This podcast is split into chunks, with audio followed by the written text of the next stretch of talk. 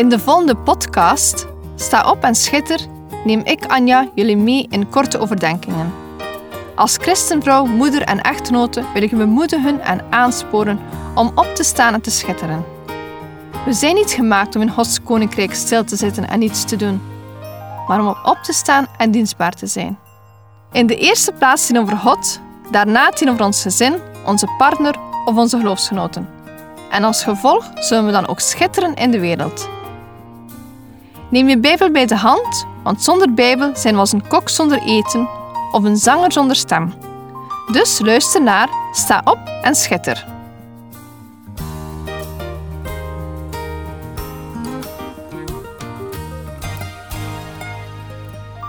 Vandaag zijn we aangekomen bij uitzending 95 met als thema barmhartigheid. Synoniemen van barmhartigheid zijn onder andere compassie, goedertierenheid, goedheid, liefdadigheid, mededogen, medegevoel, medelijden en ontferming. Een passend verhaal daarover is dat van de barmhartige Samaritaan. We vinden het in Lucas 10, versen 30 tot en met 37. Daar staat: En zie, een wetgeleerde stond op om hem te verzoeken en zei: Meester, wat moet ik doen om het eeuwige leven te beërven? En hij zei tegen hem: Wat staat er in de wet geschreven? Wat leest u daar? Hij antwoordde en zei: U zult de Heere uw God lief hebben, met heel uw hart, met heel uw ziel, met heel uw kracht en met heel uw verstand, en uw naaste als uzelf. Hij zei tegen hem: U hebt juist geantwoord. Doe dat en u zult leven. Maar hij wilde zichzelf rechtvaardigen en zei tegen Jezus: Wie is mijn naaste? Jezus antwoordde en zei: Een man ging van Jeruzalem naar Jericho en viel in de handen van rovers, die hem de kleren uittrokken, hen daarbij slagen toedienden en hem bij hun vertrek half dood lieten liggen. Toevallig kwam er een priester langs diezelfde weg en toen hij hem zag, ging hij aan de overkant voorbij. Evenzo ging ook een leviet, toen hij op die plek kwam en hem zag, aan de overkant voorbij. Maar een Samaritaan, die op reis was, kwam in zijn buurt. En toen hij hem zag, was hij met innerlijke ontferming bewogen.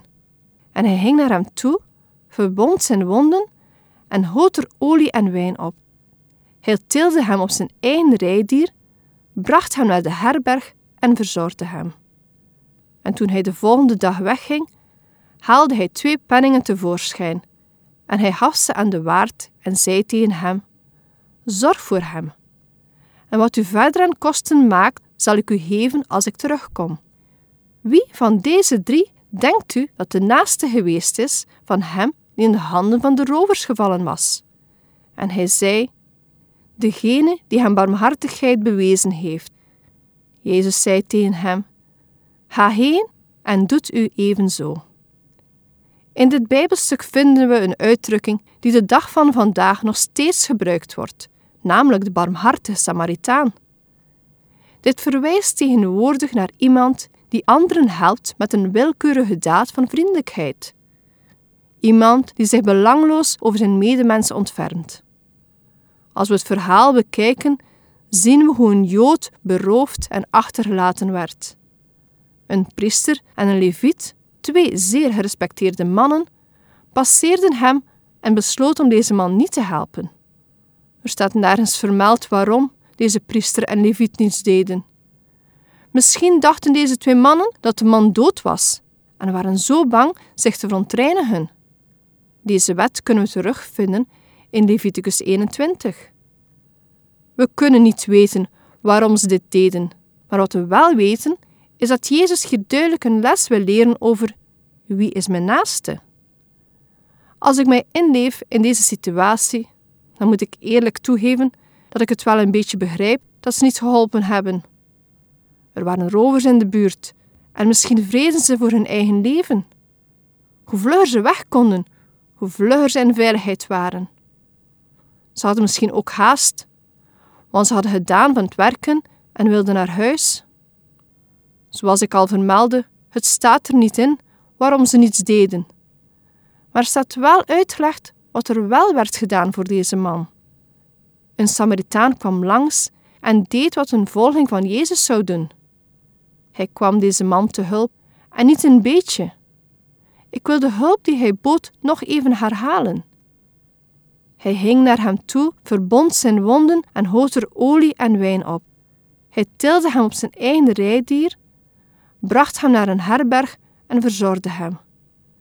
En toen hij de volgende dag wegging, haalde hij twee penningen tevoorschijn en hij gaf ze aan de waard en zei tegen hem: Zorg voor hem, en wat u verder aan kosten maakt, zal ik u geven als ik terugkom.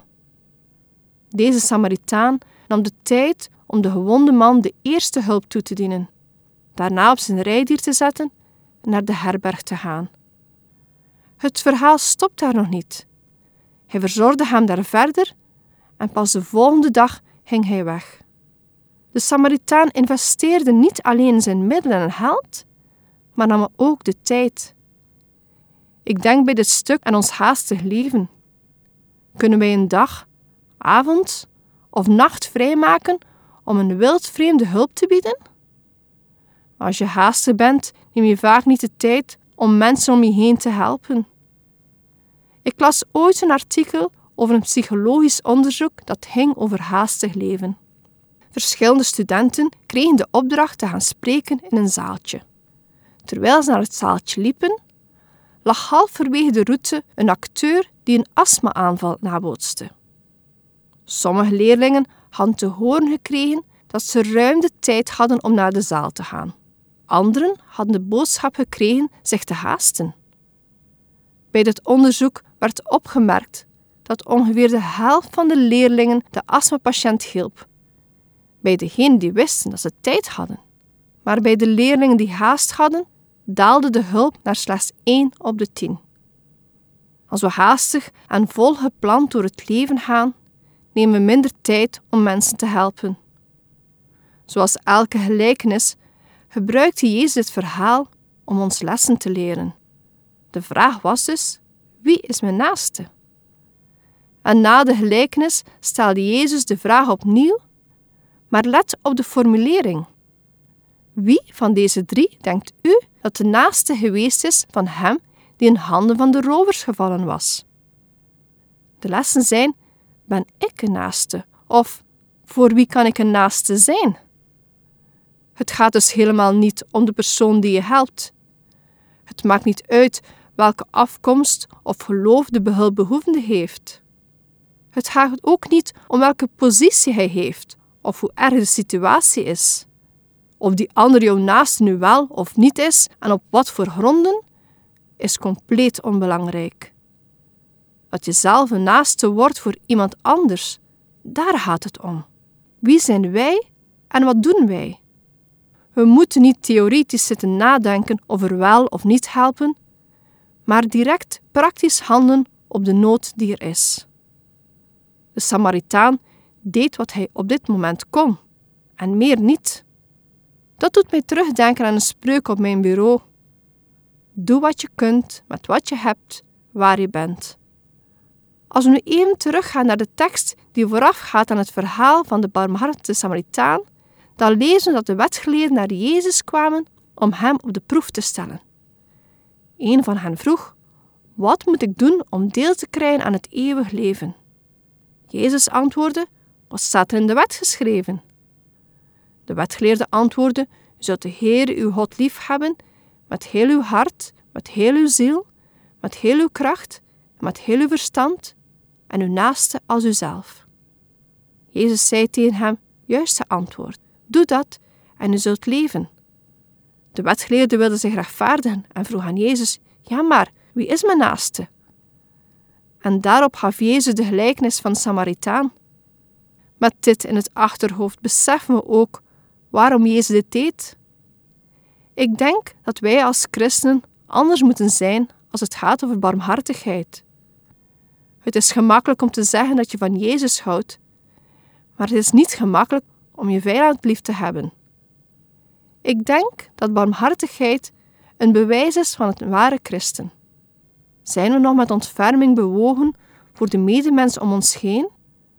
En nee, niet enkel je familie of je beste vrienden.